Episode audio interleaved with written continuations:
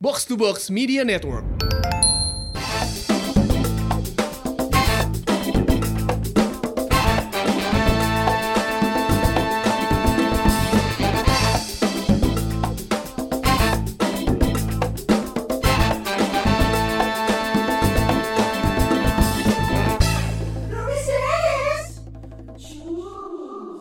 Sesuatu nih. Awalnya Banyak pengen nanya, Bi. Iya.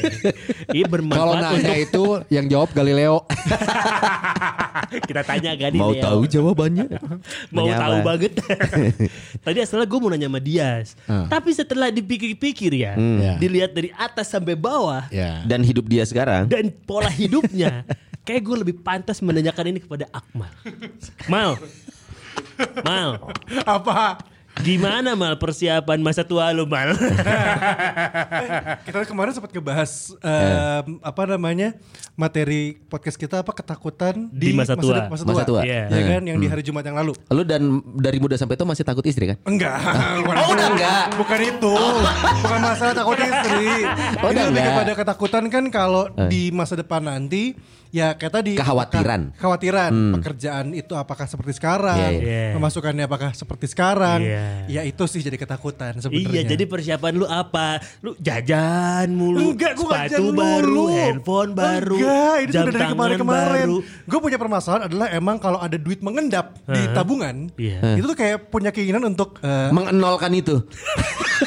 ya, Keinginan lu luar biasa ya. Ya, itu gue nggak maksudnya. bisa ngeliat ada nominal nih, gue harus nol nih gimana caranya? itu makanya lebih diarahin ke istri aja sekarang gitu daripada di gua. Ngeliat rekening kalau kita normalnya kan, Iya. wah banyak nih. Wah, ba- seneng. Seneng. Dijaga tetap segitu Betul, minimal. Kalau bisa nambah. Kalau bisa nambah. Kalau Akmal ngeluh, aduh. Aduh, kok nggak nol nol ini?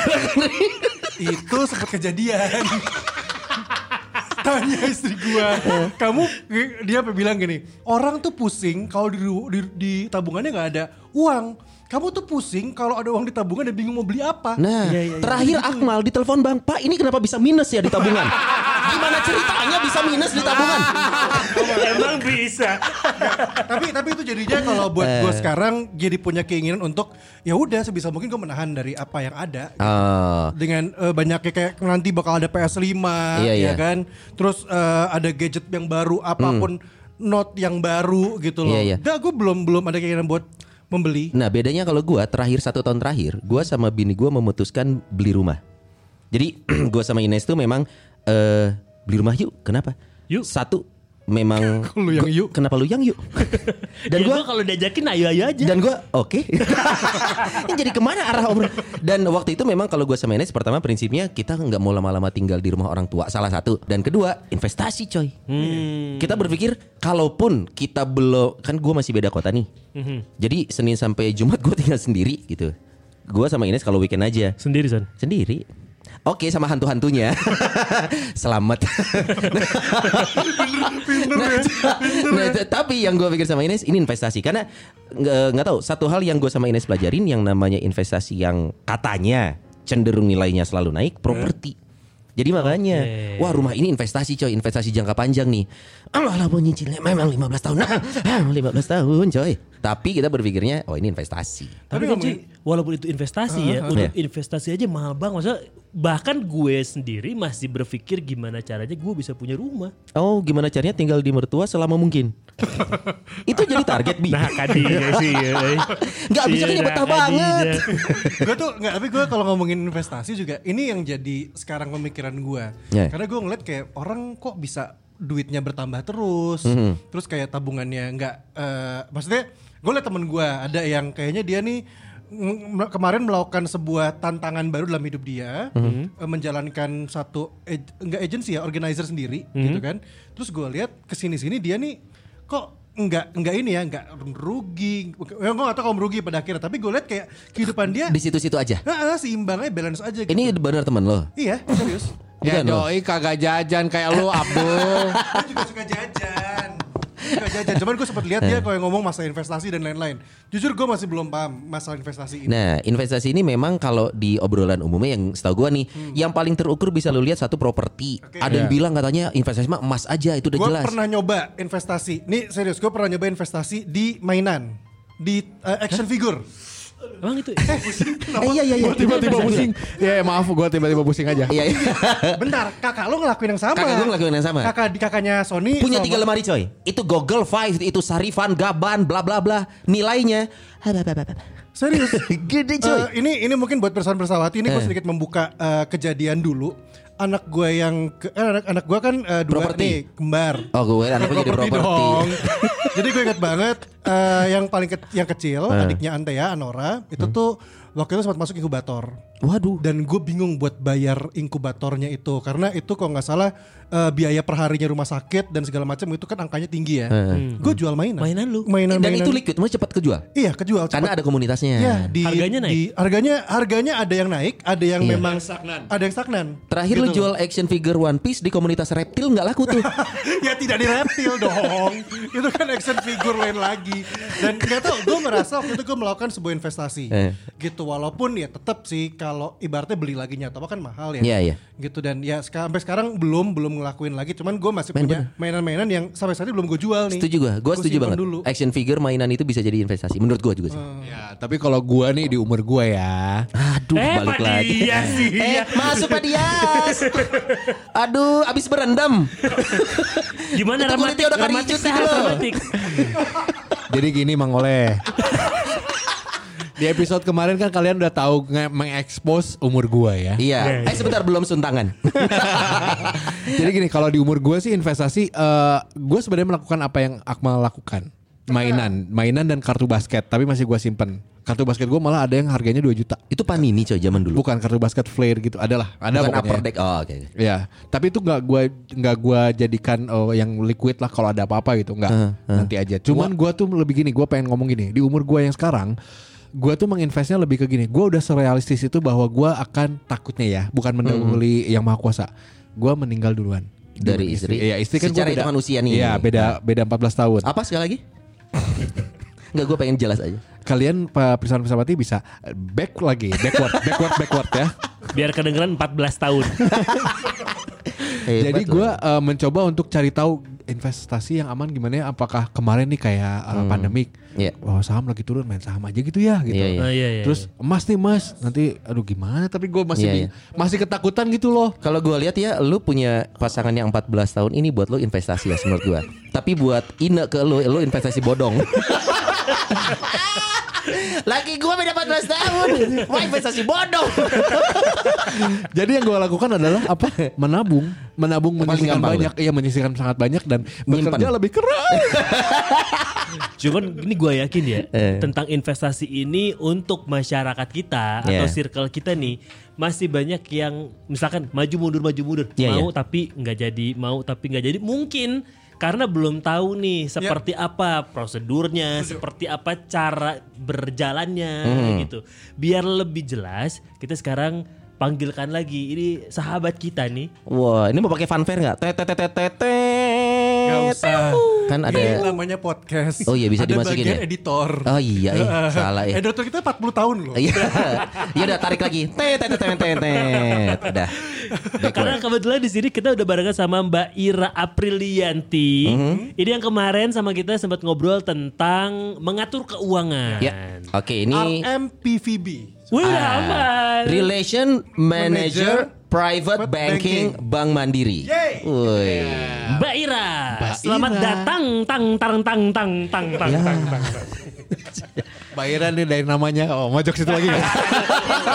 Itu udah. Panjang, panjang. udah. Gue langsung mau to the point aja deh masalah soal investasi tadi barusan. Eh. Karena emang masih awam Mbak Ira. Aku tadi nggak- kan makanya tadi Mbak Ira denger kan kayak Iya. aku ngebahasnya buat aku tuh investasi mainan nih. Ini eh, bentuk investasi di- yang gue lakuin nah, gitu. gambaran umum Mbak Ira menurut Mbak Ira pribadi nih ya, secara umum orang Indonesia aware nggak sih untuk investasi ini? Secara umum aja. Secara umum boleh dikatakan um, Tingkat belum kesadarannya aware belum. Ya. Betul. Um, mungkin sebelumnya saya juga mau infokan bahwa uh, saya ini adalah kali kedua datang ke sini. Nah, para pirsawan pirsawati kalau misalnya lihat saya di studio, ini udah udah sakit perut karena ngelihat kelakuannya. Iya, iya. uh, Kelakuannya Bang Ade, Bang. Ade. mau GR, mau GR ke Rumpis soalnya Bang Ade. Jadi eh, tadi yang saya dengar dari eh, Akmal ya. Eh, Akmal bilang katanya em, sudah eh, terrealisasi atau sudah eh, pernah melakukan dengan mengkoleksi action figure, Iya. gitu ya. Dan itu menjadi salah satu investasi yang pada saat dijual dan menghasilkan uang. Hmm. Dan bahkan mungkin eh, lebih dari eh, harga yang dibeli ya Iya, pada iya, saat iya. dijual. Nah, tapi kita bi- hanya bisa menjual kepada eh, orang atau komunitas yang menyukainya lagi gitu kan. Iya. Tetapi kepada eh, umum itu kan sesuatu yang apaan sih? Iya, Iya, segmented itu, segmented Iya. sekali ya. Terus yang eh, tiba-tiba mengernyitkan matanya, apaan sih ini action figure? Ya karena memang di rumah juga saya banyak banget action figure gitu kan. Ternyata Yang saya juga apaan sih mas? Oh sama. Oh Akmal di rumah Mbak Ira maksudnya? Bukan, itu malah beda. Oh salah salah ini gua. Mainannya Akmal banyak di rumah Mbak Ira. Tapi Dibeli. ya sebetulnya em, kita banyak lah eh, artinya para em, apa namanya investor itu punya banyak variasi Hmm. dari ada yang Oke. koleksi eh, action figure, Yes. ada Itu investasi berarti? lukisan. Bisa Tergantung melihat dari eh, sudut pandang masing-masing Ah, investor. Oke. Oke. Lukisan juga banyak orang yang menyukai lukisan, tapi kan sebetulnya dijual lagi kepada komunitas. Ya, gitu. segmented itu tadi. segmented eh, apa namanya customer. Lalu eh, barang-barang yang limited edition gitu ya. Kayak kartu basket, kartu basket lu Kartu juga basket Nah, gua. kartu basket tadi gitu kan yang mungkin dilaminating lalu difigura gitu kan. Iya, yang- bukan figur ada ada pokoknya ada case sendiri. Iya. Iya. Lak- Laki-laki 40 tahun punya enam pekerjaan itu juga sek itu loh, limited edition loh. Laki-laki botak 40 tahun enam kerjaan. Uh, ya Pasti banget, bro. bangga, Bro. Tapi sebetulnya dari yang tadi disampaikan itu kita harus tahu dulu apa sih sebetulnya manfaat dari investasinya.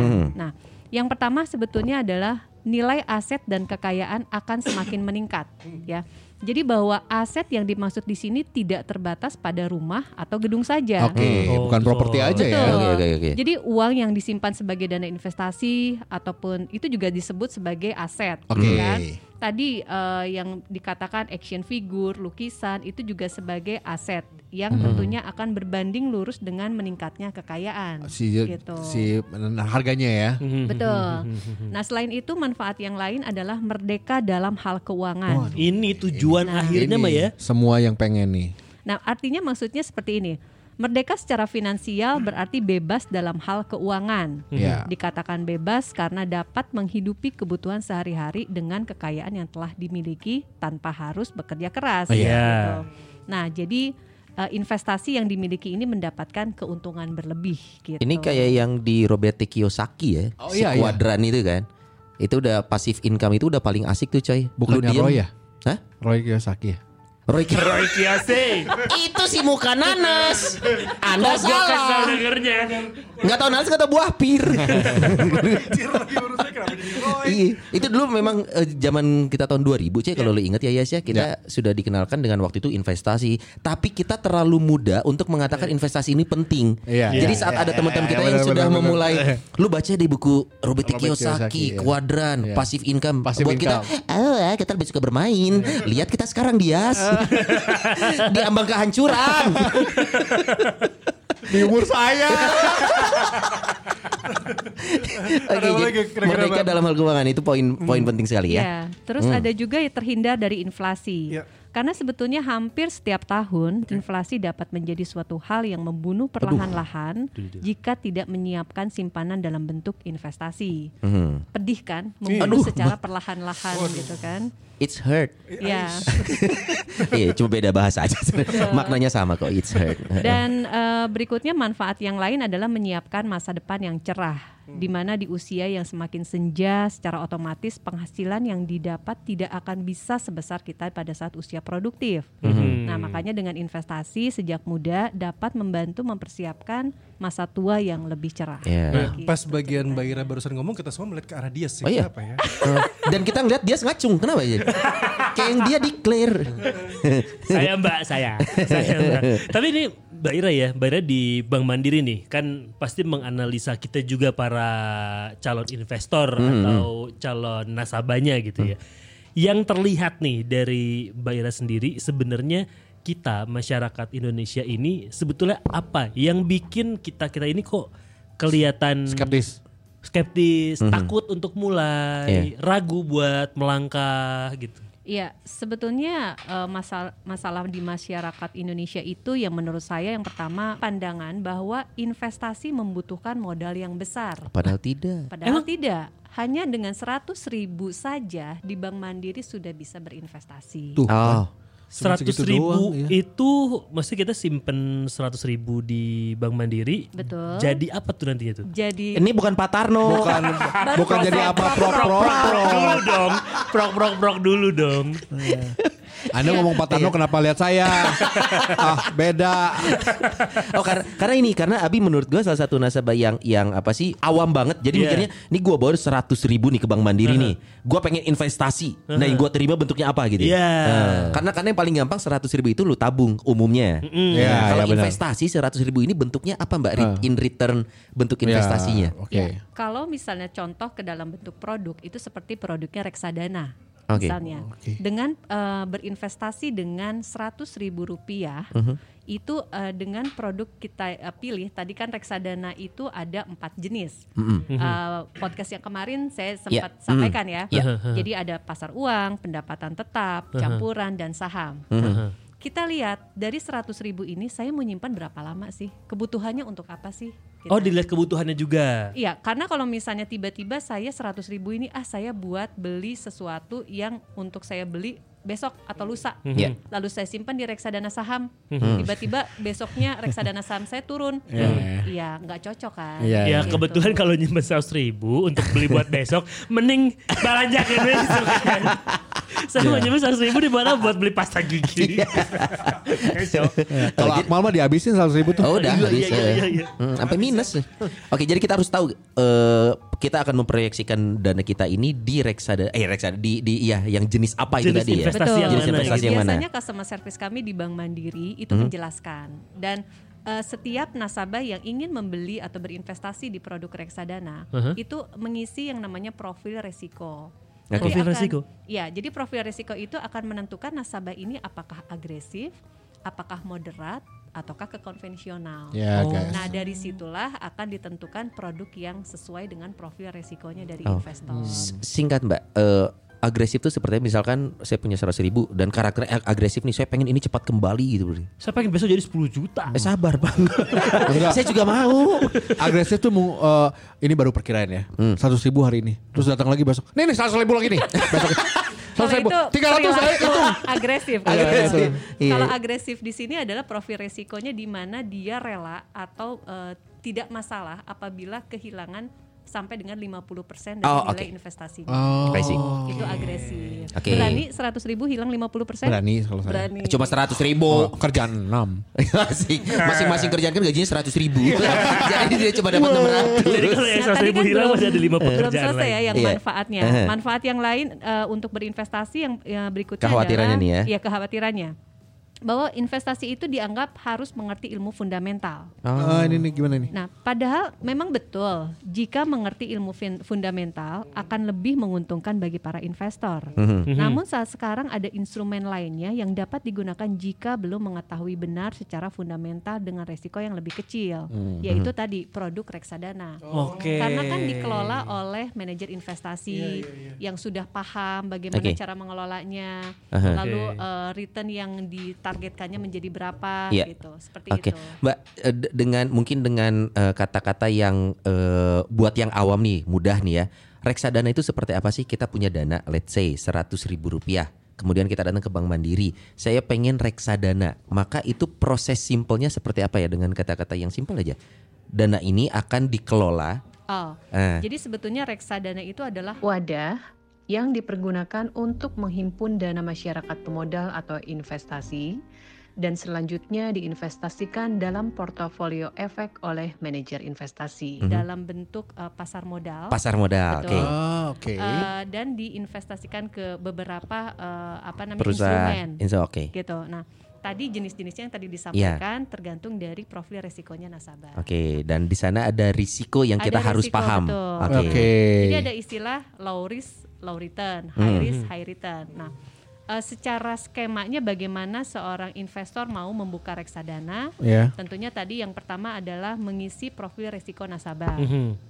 Lalu yang kedua, eh, tentunya dari profil risiko itu akan ditentukan produk mana yang cocok. gitu. Nah, setelah itu nanti akan disampaikan mengenai informasi performance dari masing-masing reksadana. Oke. Nah, di situ eh, komunikasi antara eh, penjual dan pembeli atau customer service dengan investor terjadi di situ. Oke. Dan eh, terakhir ya menentukan mana produk yang tepat. Oke, walaupun kita tidak harus tahu secara mendalam eh, di Tidak awal, harus. Nggak apa, tapi minimal kita paham, oh cara kerjanya seperti ini. Betul. Itu membuat orang minimal, oh gua tahu dan gua siap berinvestasi Ya, gitu karena ya. reksadana ini sebetulnya adalah produk yang eh, sangat mempermudah para investor Hmm. yang nggak punya banyak waktu, Wah, yang nggak punya eh, memaha- bukan nggak punya, artinya kurang memahami Hmm. eh, bagaimana sih fundamental nah itu. perusahaan-perusahaan yang atau ada terlalu malas investasi. seperti kita ini. atau terlalu malas membaca. Sebenarnya bukan terlalu malas sih, kayak pengen tapi aduh delimet banget ya Iya, gitu. itu males. Kita tahu basicnya aja lah. Tahu beres aja Iya. ya. Jadi serahkan semua itu kepada ahlinya, Mhm. gitu Ya, ya. kan? Oke. Siapa ahlinya? Ya manajer investasi Mhm. yang Oke. bekerja sama dengan Bank Mandiri untuk produk-produk reksadana. Oke, jadi ada ada ada wealth management lagi beda lagi ya. Betul. Ya, oke oke. Oke, dan di Bank Mandiri ini selain reksadana, apalagi sih Mbak eh, layanan produk investasi yang bisa ditawarkan untuk nasabahnya nih kita kita. nih? Oh banyak sekali sebetulnya. Kalau boleh dibilang Bank Mandiri ini sangat lengkap ya, Ya. beragam sekali produk yang ada di Bank Mandiri dari reksadana. Lalu ada surat berharga. Oke. Seperti saat ini kan sudah keluar SR13. Bank Mandiri Obligasi juga ini ya? sebagai agen penjual, betul. Apa tuh? Obligasi pemerintah eh, sukuk retail Nah, seri ini nih, nggak 13. ngerti. Makanya pelajaran ekonomi itu masuk waktu SMP ini ada surat Itu berharga. kayak gimana sih? Coba Mbak Ira dijelasin, dibantu dijelaskan. Ah, sama aja. Ah, sama aja lu. Ah, Dasar Ikan lu. paling benar Kesel Mbak ah. Ira yang. Kesel banget ini. Gimana sih, Mbak? Ya, jadi SR13 ini eh, dikeluarkan oleh pemerintah Republik Indonesia Oke. sebagai surat utang negara. Oke. Lalu surat utang negara ini boleh dimiliki oleh para investor warga negara Indonesia. Oke. Dijual kepada agen penjual, salah satunya misalnya Bank Mandiri sebagai agen penjual. Ya. Seperti Oke. itu. Nanti pada saat nasabah atau investor menginginkan eh, produk tersebut, bisa langsung datang ke customer service untuk mendaftar SBN online. Oke. Pada saat SBN online itu sudah terdaftar, mau dari sekarang terbit produknya sampai kapan pun, nasabah atau investor cukup input dari SBN online-nya sendiri saja. Oh, gitu doang berarti. Gitu. Itu sangat mudah. Oke. Sebenarnya nggak nggak seribet apa yang kedengerannya. Apa Iya. ini Betul. SR? Mungkin karena kita asing kali dengan istilah-istilahnya. Iya. Oh, tadi apa SR13? SR13. Karena gue taunya ST12. Oh, se se se Ya dan dan dengar kata kayak surat berharga negara, kayaknya tuh itu jauh banget buat Aduh, buat kita- bukan urusan gua kayaknya Ah. bukan bukan kayak orang yang pendapatannya kayak gua. Iya. Yang mikir kayak Padahal gitu karena itu jadi kayak berasa ada terlalu uang jauh besar gitu. di iya, situ iya, gitu. Iya, Heeh. Iya. Oke, reksadana udah, kemudian surat berharga negara, obligasi, ada lagi unit link. Ini populer Nah, sekali kita populer. dengar Di termasuk asuransi ya? asuransi. Asuransi. Ini Jadi sih, unit link ini kita kerjasama dengan Aksa Mandiri. Hmm. Nah, dalam Aksa Mandiri ini ada s- ada sisi investasi dan ada sisi insurance gitu. Jadi kalau misalnya eh, investor itu ingin eh, apa namanya pengen lengkap deh paket lengkap, saya Iya. mau belinya eh, dua-duanya deh, pokoknya insurance-nya iya, investasinya iya. Ya inilah Aksa Mandiri yang tepat. Ah, oke. Oh. Oke. Jadi sekalian asuransi, Asuransi Investasi. plus investasi. Investasi, wow. Betul. Oke, jadi yang dibayarnya preminya sudah include ya umumnya ya Mbak ya? Betul. Preminya untuk asuransi sama untuk investasinya. Investasi, ya tinggal pembagiannya kadang biasanya uh, uang pertanggungannya mau sampai berapa Hmm. nah Nah. tergantung dari kebutuhan kita punya keluarga kalau misalnya terjadi resiko dengan kita berarti Hmm. uang pertanggungan yang untuk dikeluarkan untuk keluarga kita itu berapa itu kembali lagi kepada kebutuhan dari masing-masing Iya. investor Dan ini better sih nasabah harus paham ya apa itu supaya mikirnya gini kalau gue bayar asuransi berarti gue selalu punya untung karena ada investasi. Nah padahal investasi itu sendiri kan tadi ada risiko yang harus Ada dipahami risiko, juga betul. high risknya. Betul. Oh, lu juga punya asuransi unit link ya? Enggak, enggak punya. Udah enggak. Nah itu, gua sih ada tapi gua nggak tahu gitu. Makanya itu yang gua rasa, oh kayaknya gua harus tahu nih peran unit linknya di mana sama asuransinya Ya, harus bagaimana. dipahami karena, Karena kan dulu itu nah itu nah dulu kenapa enggak ya? Hmm. Dulu sempat tapi sekarang enggak karena nggak ngerti nggak ngerti. Oh, oh udahlah tarik aja udah gitu. Ah. Ya udah aja enggak. sebetulnya habit itu harusnya dirubah Hmm. gitu karena daripada menyesal kemudian mendingan dirubah dari sekarang terus lakukan em, mulai pencatatan lagi deh apa yang harus dilakukan Mhm. seperti itu. Oke. Mumpung masih muda, Maaf Eh, Mbak, iya, iya, iya, iya, ada yang iya. harus dikoreksi nih Mbak Ira. Ke episode lalu sama hari ini Mbak Ira benar terus baru kali ini salah. Mumpung masih muda. saya lihatnya ke Akmal. Ah, itu nggak apa-apa. Maksudnya Mbak Ira ke gua waktu nunjuk ke gua, Eh. itu maksudnya ke istri gua. Beda 14, 14 tahun. Masih muda istrinya dia. Tapi tadi lucu juga gitu ya. Eh, kalau siapa tadi namanya Ine ya? Ini Ine Iya. itu eh, ke dia sebagai investasi, Investasi bodong. bodong. Nah, sebetulnya benar banyak sekali. Benar. sebetulnya Mbak benar. Tolong dong, ih Mbak Ira. ih. Mbak itu udah titik aja, itu udah titik. Ira di sini kan bukan kita doang yang denger ini. maksudnya maksudnya yang benar itu banyak sekali di Indonesia yang melakukan investasinya dengan bodong Termasuk gitu. Ine. Nah, Korban investasi bodong, lau. Jadi ya para investor itu harus hati-hati. Iya. Harus eh, melalui perusahaan-perusahaan yang terpercaya. Iya. Dan nyari cari taunya mudah ya Mbak. ya. Sebenarnya kita tinggal cari perusahaan mana nih. Betul. Googling juga banyak. Ya, dan eh, sebetulnya juga jangan eh, apa ya terpikat oleh rayuan para sales gitu Oh, iya. kan karena bunganya tinggi lah, karena eh, memberikan benefit yang lain gitu. Ah. Tapi paling tidak investor juga harus sedikit memahami apa sih eh, apa produk itu sendiri. Iya, iya. Bagaimana sih produk ini sendiri eh, berjalan seperti itu. Oke. Jadi tetap harus pahami juga Aman dan supaya tidaknya tidak ya. tertipu. Iya, Berarti- iya, iya, iya. Kayak kayak ini.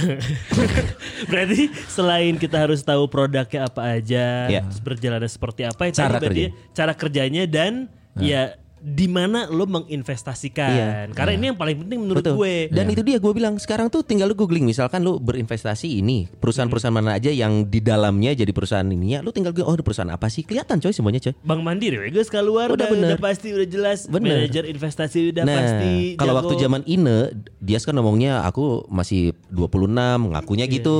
Ternyata pas udah nikah eh dan beda 14 bodong. Iya, Ngakunya aku berambut ternyata tidak. Dan ripuh ngurus hari-hari.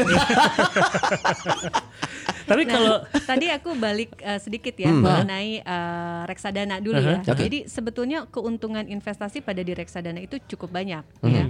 Eh, keuntungannya tinggi dibandingkan dengan produk eh, konvensional. Nah. tadi kan. Lalu diversifikasi resiko. Mhm. Nah, di- dan dikelola oleh manajer investasi yang profesional yang tadi Ya. saya sampaikan gitu. Serta tadi jumlah minimum yang eh, investasi yang sangat kecil. Terjangkau, Nah, 100 ribu rupiah.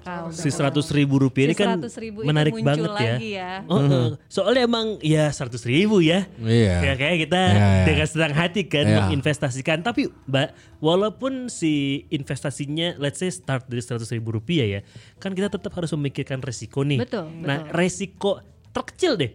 Resiko terkecil sampai yang terbesar sih pengennya tahu juga nih. Kalau kita investasi di reksadana itu kayak gimana? Atau Ya. apa gitu? Kerugian investasi itu sebetulnya nggak ada eh, istilahnya reksadana yang resikonya nol itu nggak ada. Oh enggak ada, Oh. Nggak ada ya? Jadi resikonya bisa rendah, sedang atau tinggi Hmm. tergantung jenis instrumen yang dipilih. Oke. Nah tadi contohnya reksadana saham yang nilainya naik atau turun tergantung dari fluktuasi harga saham di bursa efek Oke. dan tidak ada jaminan bahwa harga pasti selalu naik. Oke. Si yang kedua biaya investasi. Nah, dalam transaksi beli jual, investor harus membayar biaya terkait investasi reksadana. Nah, biaya ini kadang-kadang berimbas pada return yang diterima investor. Ah, Oke. Iya, iya, iya. Jadi harus diperhitungkan. Nah, kalau untuk di Bank Mandiri, untuk pembelian reksadana itu ada fee masuknya betul, tapi tidak ada uh, fee keluar. Jadi fee keluarnya nol. Oke. Jadi sangat murah gitu. Iya iya iya iya iya. Nah, iya, terus iya. em, likuiditas juga harus diperhitungkan. Oke.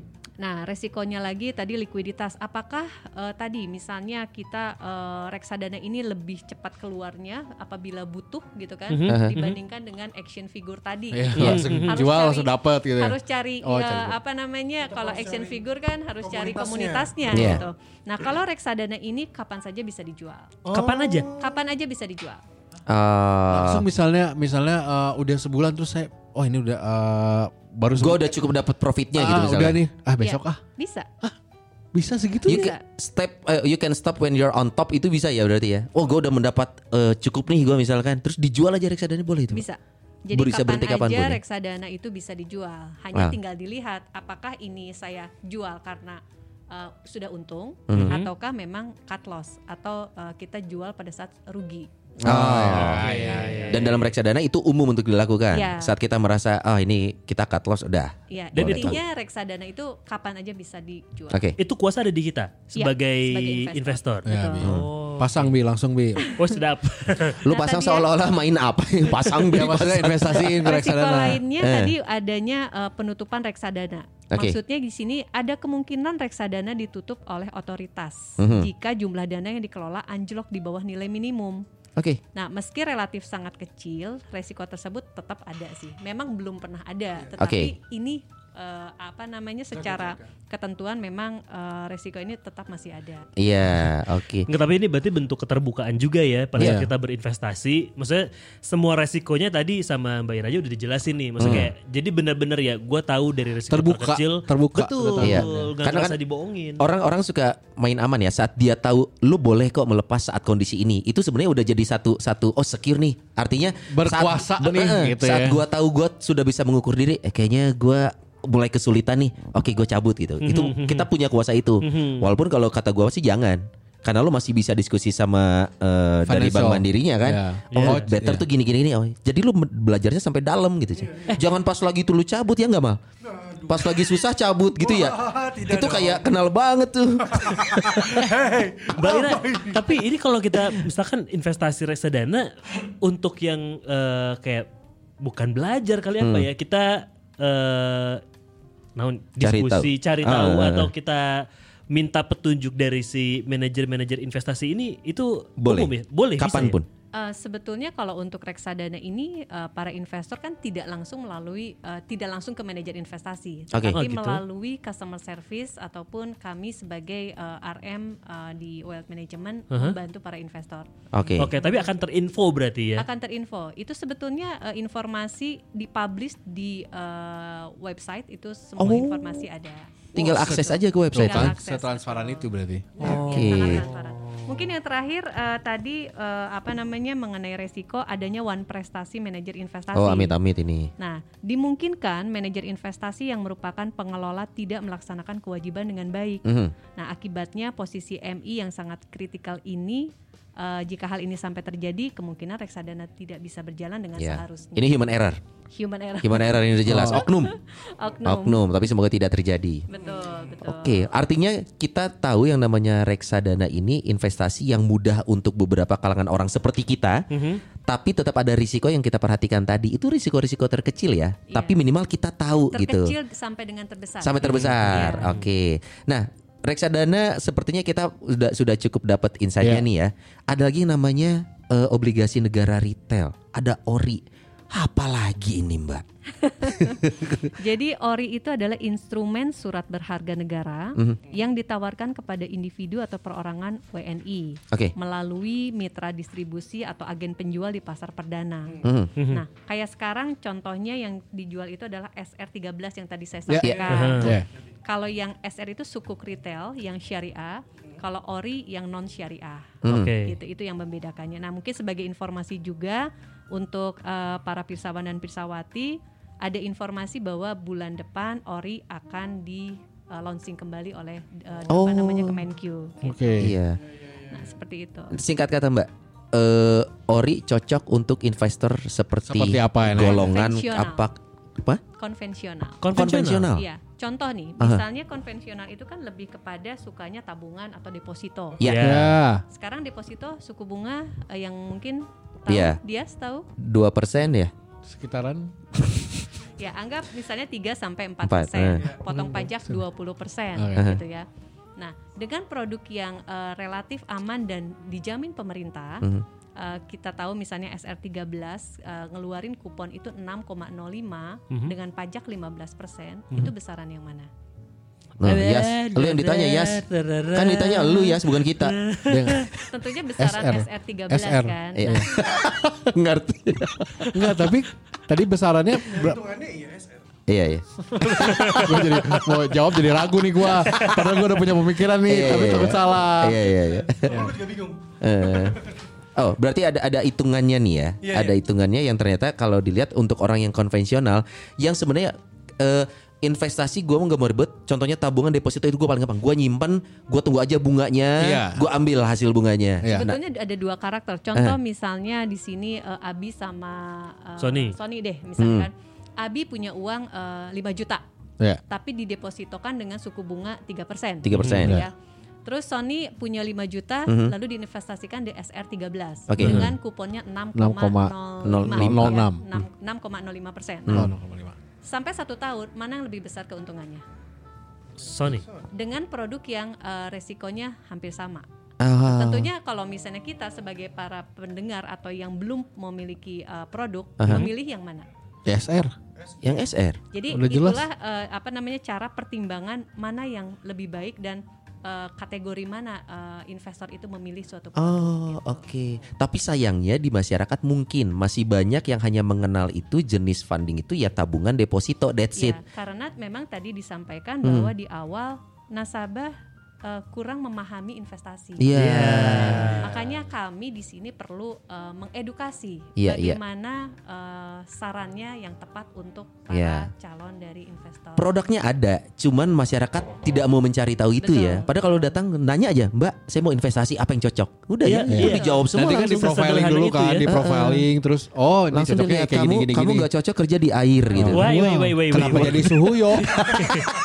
Tapi ini kalau tadi kan yang konvensionalnya tuh istilahnya konvensional. Nah, Ya. di era digital kayak gini nih, di mana orang-orang mungkin 80% hidupnya berhubungan dengan Ya, gadget, gadget. berhubungan dengan digital. Ya, Soalnya gue sempat dengar juga yang rame-rame tuh ngomongin soal Bitcoin. Bitcoin. Iya Coy, kan? itu Bitcoin nilainya gede ya? Nah itu Satu makanya. Bitcoin itu Gue kadang suka penasaran nih sebenarnya gimana sih mainnya. Enggak, soalnya setahu gue lu sama Dias yang paling internet banget ya di antara Iya, kita ya. iya, iya. Bitcoin ini juga sempat eh, itu kan kalau nggak salah eh, koreksi kalau gue salah, itu kayak transaksi dunia maya. Iya. Itu tuh menggunakan Bitcoin. Ibaratnya kayak kan? mata uang digital. Mata uang gitu digital loh. kan? Cuman gue masih kayak yang ragu-ragu gitu loh karena kan nggak nggak ada wujudnya ya. Iya, Nggak ada iya wujudnya kan. benar-benar. Ibaratnya kalau- Tapi nilainya gede. Nah itu dia. Tahu. Iya, iya. Ini, ini ini juga jadi penasaran sih, Mbak. Ini em, keuntungan kita berinvestasi di apalagi sekarang mungkin di era pandemi kayak sekarang ini yang kita nggak bisa langsung datang ke bank, kita nggak bisa langsung hadir ke sebuah eh, kegiatan atau acara, akhirnya semua serba digital nih Hmm. dan beralih ke kripto, aset kripto sebutan deh nggak salah, Kripto. kripto, Iya. Heeh.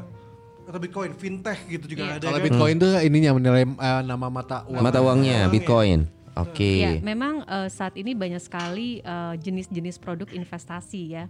Sampai eh, memang sekarang tuh lagi rame terkait dengan kripto, Bitcoin. Nah, menurut informasi yang saya tahu bahwa keuntungan berinvestasi di kripto atau Bitcoin ini yang pertama potensi kenaikan harga di masa mendatang. Yes. Lalu kebebasan dan kecepatan, juga keamanan identitas serta menghindari pemalsuan uang. Tapi ya resikonya pun harus diukur. Ya. Ini juga high risk Ya, tentunya. digital sekarang ya. Betul. Oke, oke. oke. Nah, ada juga eh, saat ini yang sekarang lagi banyak itu adalah fintech, gitu kan. Mhm. Nah, eh, keuntungannya apa? Yang pasti proses mudah dan cepat Mhm. sebagai alat pemasaran usaha dan bisnis, Mhm. serta membantu UMKM di Indonesia. Jelas ya. Dan eh, Bank Mandiri juga kita eh, support untuk fintech di sini untuk membantu para UMKM di Indonesia. Seperti itu. Oh, Oke, jadi penyesuaian dengan eh, perkembangan zaman sekarang semuanya tidak konvensional lagi ya. Sekarang Iya. namanya digital, termasuk produk perbankan pun juga di Bank Mandiri ini ada. Sudah digital, termasuk reksadana itu pun eh, kami sudah akan eh, apa namanya melakukan implementasi untuk eh, bisa membeli produknya melalui digital wealth atau Oh. melalui aplikasi. Oke, Mbak Ira terlambat nggak sih untuk misalkan kita nih yang generasi umur 30-an ya, mencoba masuk di segmen investasi digital. Maksudnya apakah kita akan harus memahami mendalam dulu karena akan ada banyak istilah. Iya. D- Tapi apakah ini memang menyasar target millennials si Ya, produk-produk digital ini? Sebetulnya eh, yang kalau misalnya melihat eh, kebiasaan dari milenial yang memang suka dengan digi, apa namanya eh, Gadget gitu ya. gitu ya, ya sasarannya adalah para milenial. Itu benar. Yang utama ya? Yang utama. Oke. Nah, yang diharuskan itu adalah para milenial itu paham uh, produk apa yang ditawarkan. Mhm. Mhm. Jangan sampai karena kan suka menarik ya eh, penawarannya Ya. atau misalnya gambarnya atau iklannya gitu. Tetapi kita nggak tahu sebetulnya kita tuh berinvestasi Ngapain dalam ya? bentuk apa. Ya. Nah itu yang harus dipahami para milenial. Oke, Seperti kan itu. karena ini dunia mereka sekarang. Betul. Bitcoin adalah eh, istilah yang populer di generasi ini dan mereka biar tahu dari usia muda mereka, gua harus berinvestasi sesuatu yang relate dengan yang Iya, mereka lakukan iya, gitu ya. benar-benar. Yang Ya, lagi tetapi tentunya harus eh, tahu dengan resikonya. Resikonya. Nah, Kalau resikonya? misalnya resikonya cukup besar. Kalau misalnya istilahnya paling besar adalah kehilangan dana yang kita invest. Iya. gitu. Tapi ya kalau misalnya kita tidak mau memulai, Iya. tidak mau ketakutan terus, Iya. kapan kita bisa eh, Betul. berhasil atau misalnya kita bisa pinter seperti Iya. itu. Anggaplah investasi yang awal itu dengan misalnya nilai yang terukur itu sebagai sekolah untuk Iya. kita melakukan investasi Oke ya, ya, Cari ya. tahu ya, cari, cari, tahu. Karena kan dengan cari tahu, dengan kita masuk ke produknya, oh ke- akhirnya akan tahu oh ini arahnya ke mana Iya. Dan menggunakannya seperti apa. Nih dia kayaknya bisa masuk produk ini deh, tapi agak dimodif mbak. Ini kayaknya lebih ke vintage. Kalau dia jangan vintage. Nah kalau eh, jadi pas nanti dari Bank Mandiri datang, oh bapak cocoknya ini apa? Oh, saya mau vintage gitu ya. Bias ya. Kalau nggak vintage kalian retro lah. Ya. Nggak ada pak. Banyak, ya memang betul sih. emang betul lagi kan? Iya emang vintage kan. dia memang vintage, tapi dia jago vintage.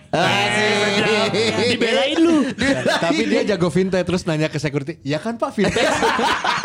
Iya bu. yang di yang di depan tuh iya sih Iya Bu. sih vintage. ya melanjutkan eh, mengenai resiko kripto. Nah itu resiko Eh. si cryptocurrency Iya, ini ya. Tadi kan mengenai kalau misalnya yang pertama tadi kehilangan dana. Saya tambahin juga karena kripto ini memiliki resiko yang tinggi, maka volatilitasnya juga tinggi. Nah, potensi pelanggaran hukum juga bisa terjadi karena Oke. permasalahan di dalam regulasi gitu kan. Apakah ITE kan- ITE belum Iya, ini ya mungkin? Undang-undang ya masuk ITE juga ada di Iya. situ. Cyber crime ini jatuhnya Iya, coy. banyak yang ya maksudnya mungkin ada yang hacker, Iya. Dan ini mungkin nambah dengan perlindungan konsumen. Yes. Gitu Iya, iya, iya, iya. Iya, mungkin nanti kita harus mengundang kayak dari Kamra lah untuk bisa. Hei, kan ini Kenapa kamu yang undang? Kan ada Hansip. supaya kita jatuh? angle hukumnya enggak Kamra ya. sama ini kabar juga masalah kayak kayak semacam kunci wallet tuh kayak password ya berarti. ya. Iya betul. Dan itu juga kan memang eh, apa namanya khawatir kehilangan private key-nya juga Iya, bisa iya, berbahaya seperti itu. Betul, betul, betul. Nah tadi Oke. resiko fintech juga ada. Hmm. Yang pertama rawan penipuan. Lalu jika gagap teknologi akan menjadi masalah bagi investor. Berarti intinya kalau lu mau, mau ngambil yang digital ya lu harus melek teknologi dulu kali ya. Betul. Better Dan gitu. enaknya di Mandiri berarti memang semua diserahin ke kita para investor ya. Kebiasaannya yang mana, senengnya yang seperti Iya. apa, Karakternya seperti apa. Oh iya, Betul. makanya tadi di awal dilihat dulu ya, profiling dulu ya. Iya. Oh iya, satu lagi produk yang saya lupa sampaikan adalah ma- melalui eh, Mandiri Sekuritas. Mhm. Oh, Nah, ini kalau. Mandiri Sekuritas ini paham betul eh, bagaimana saham yang mau kita beli, Mhm. eh, saham eh, perusahaan mana yang mau kita beli, dan itu semuanya menggunakan eh, digit apa eh, apa gadget. Oh, Oh, oke. via Kita mau beli, kita mau jual, itu eh, melalui gadget. Oke. Oh, Oke, jadi kita, kita yang kontrol juga- semua di di Betul. gadget di aplikasi itu ya. Betul. Dan kita pun lebih eh, istilahnya saya mau menjadi pemegang saham perusahaan Bank Mandiri misalnya. Nah, nanti Bank Mandiri kita cuma cuman beli satu lot 100 Satu lot, lembar. satu. Iya. Nah, berarti 100 lembar kali harga saham Bank Sahamnya. Mandiri sekarang. Iya. Kan nggak mahal kan? Iya. Iya iya. Oke, Mbak mungkin eh, kita kita ambil eh, keseharian yang gampang nih. Akmal tipikalnya konsumtif. Kemudian dia iya konsumtif. Kira-kira investasi yang cocok untuk orang yang konsumtif apa sih Mbak menurut Mbak Ira? Gimana, Mbak? Ini, ini buat kita berempat nih pada akhirnya bilang oh ini kan. Kalau gitu kita harus privacy untuk eh, me- ini ya menggali kebutuhan. Karena emang nggak bisa main tembak Eh, soalnya. iya. yang, yang tentunya kalau misalnya dia konsum eh, konsumtif, saya akan tanya dulu berapa sih eh, yang ditabungkan dalam satu bulan. bulannya. Oh jangankan Mbak Ira, kita juga pengen tahu. Mbak bukan Mbak Ira istrinya juga pengen tahu. Iya. Udah, udah. Yang kedua, Buka mal, buka mal. ayo.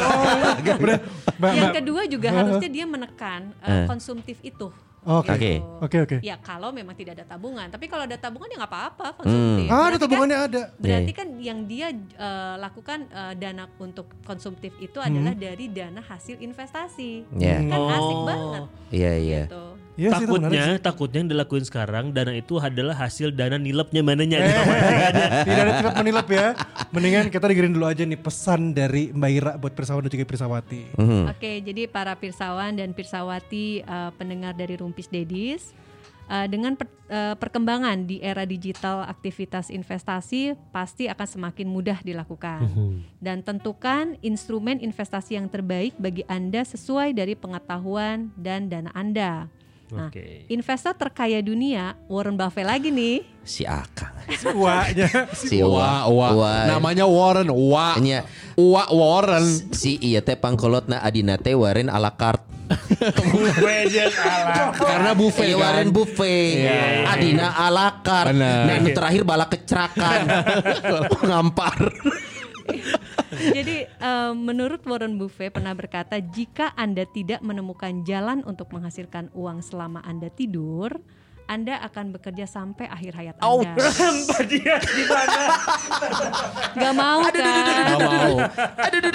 Maka itu mulailah untuk berinvestasi sedini mungkin agar memiliki masa depan yang cerah dan sejahtera bersama Bank Mandiri. Nah ini Iya. kuncinya datang ke Bank Mandiri udah tinggal tanya aja jadi kayak kita cukup bawa diri tanya dulu gitu kayak nih kondisi gue seperti ini gue punya cita-cita punya harapan seperti ini yang mana yang cocok dengan saya Kayaknya kalau gue agak sedikit sudah mantep reksa, eh gue, gue jadi kalaupun gue datang ke Bank Mandiri ya, Mas reksadana jelasin dikit lagi set, oke set, karena itu dia, selama ini gue masih yang konvensional.